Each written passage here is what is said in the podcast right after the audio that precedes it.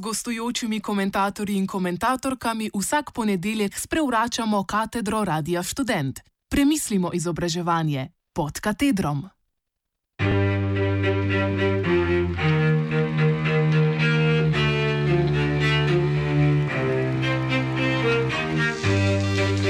Filozofija non grata.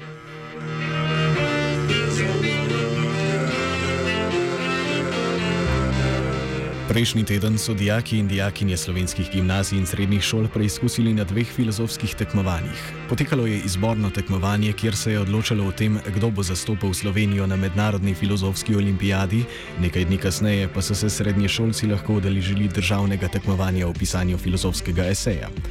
Danes v navezavi na dogajanje razmišljamo o vlogi filozofije v izobraževalnem sistemu, kje je prisotna in kje je umanka.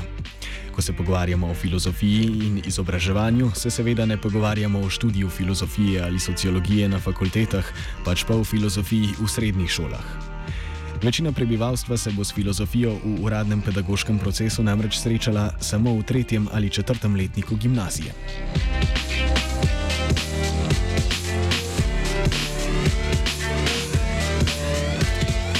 Filozofija igra v družbi, sploh v kulturnem kontekstu družbe, ambivalentno vlogo. Po eni strani splošno poznavanje zgodovine filozofije in relevantnih vprašanj predstavlja pomemben del kulturnega kapitala posameznika, po drugi strani pa filozofija kot taka, vključno s študijem in filozofiji, ni preveč cenjena. Od vsestranskega posameznika se, če naj velja kot izobražen, pričakuje, da filozofijo pozna, vseeno pa družbeni kontekst filozofiji in filozofom ni preveč naklonjen.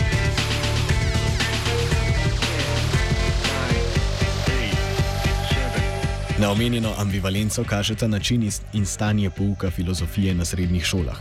Čeprav je pri razgledanem človeku znanje filozofije lepa pika na i, se na maturi število dijakov, ki kot del zaključnega izpita izberajo filozofijo, že nekaj let vrti okoli 200 tice, če tudi maturo ponavadi piše okoli 8000 kandidatov, od katerih vsak izbere po dva predmeta. Filozofijo na maturi torej kot enega izmed dveh izbirnih maturitetnih predmetov vzameta dobra 2% maturantov. Filozofija je posledično eden izmed najbolj obskurnih maturitetnih predmetov.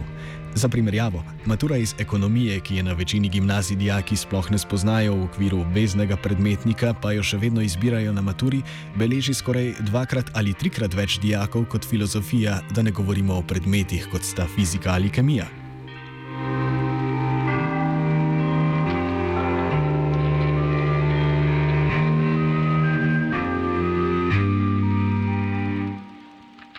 Kaj se torej dogaja s filozofijo v gimnazijah? Kakšno vlogo igra filozofija v procesu splošne izobrazbe? Filozofija se v gimnazijskem pouku srečuje predvsem z dvema problemoma.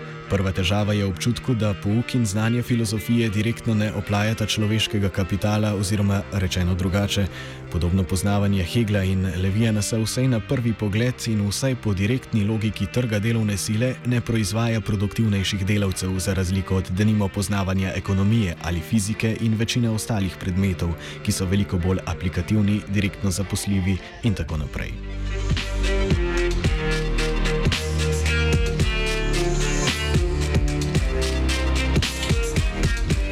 Druga težava filozofije je v naravi učnega procesa in ocenjevanja.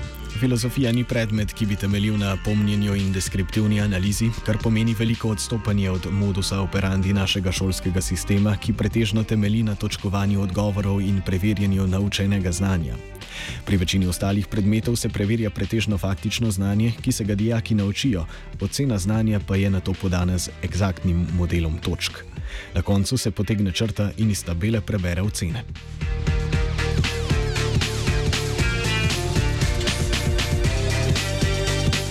Obe neshajanji filozofije s sistemom sta za pouk škodljivi.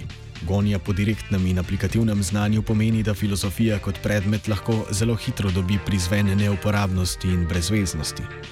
Dijakom se morda zdi zanimiva, morda bodo celo kaj prebrali v prostem času. V šoli, ki je očitno namenjena neposredno uporabnemu znanju in zaposlitvi, pa bodo raje izbrali predmete kot sta ekonomija in fizika.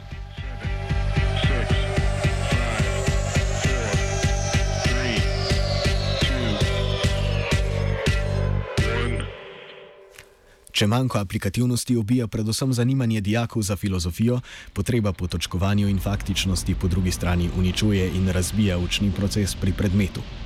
Obvezni predmet filozofije tako veliko krat postane zgolj naštevanje podatkov o zgodovini filozofije po principu, kdaj je kdo živel, v katero šolo spada in kaj so bili njegovi pomembnejši koncepti. Sicer s takšnim ogrodjem ni nič narobe, vendar to pomeni, da dijaki edino srečanje s filozofijo na svoji učni poti, namesto za analizo filozofske materije, porabijo za podatke, ki jim o filozofiji ne povedo ničesar, več kot nekaj osnovnih informacij, ki jih lahko dobijo na Wikipediji.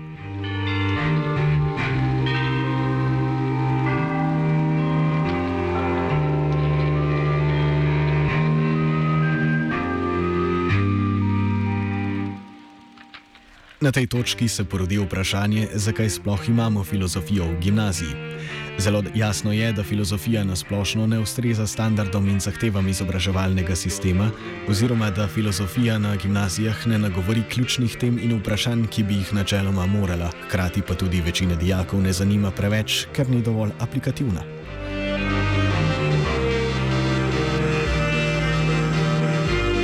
Ravno tu se pokaže ambivalenca, na katero smo opozorili na začetku. Obstoj predmeta filozofija in širše v družbi vednost o filozofiji sta cenjena, zaželena in potrebna, ker predstavljata kulturni kapital. Po drugi strani pa inštitucija šolstva, kot jo poznamo danes, ni kompatibilna s poukom filozofije oziroma ne prenese čistega pouka filozofije, pač pa ga ukviri in poizkuša preleviti v pravi predmet s faktičnim znanjem in točkovanjem, kar se ne obnese ravno najbolje.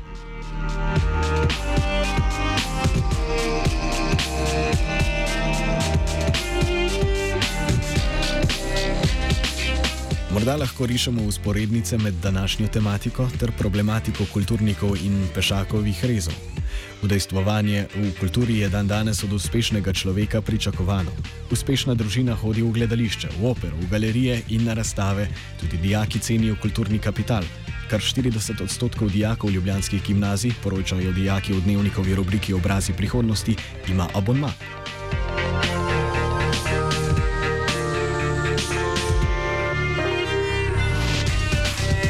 Uspešen človek gre rad v mestno gledališče Ljubljana, kjer si ogleda kakšno dramo, ki jo napiše ali adaptira Simona Semenič.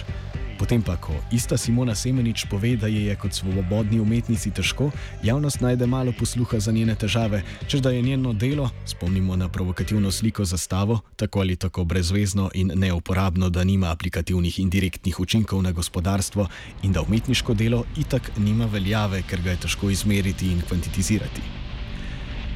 Saj imamo radi umetnost, le umetnikov ne maramo. Tako isto je s filozofijo. Vsi imamo radi filozofa, če se le ukvarja s filozofijo. V tem primeru ga kamenjamo.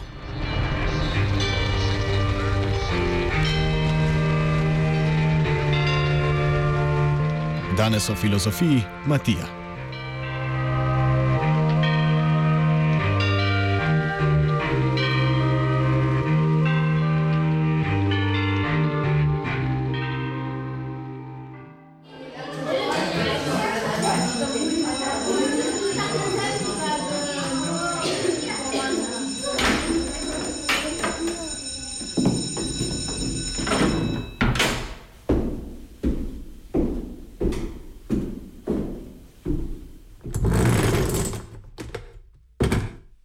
Gostujočimi komentatorji in komentatorkami vsak ponedeljek sprevračamo katedro Radia Student. Premislimo izobraževanje pod katedrom.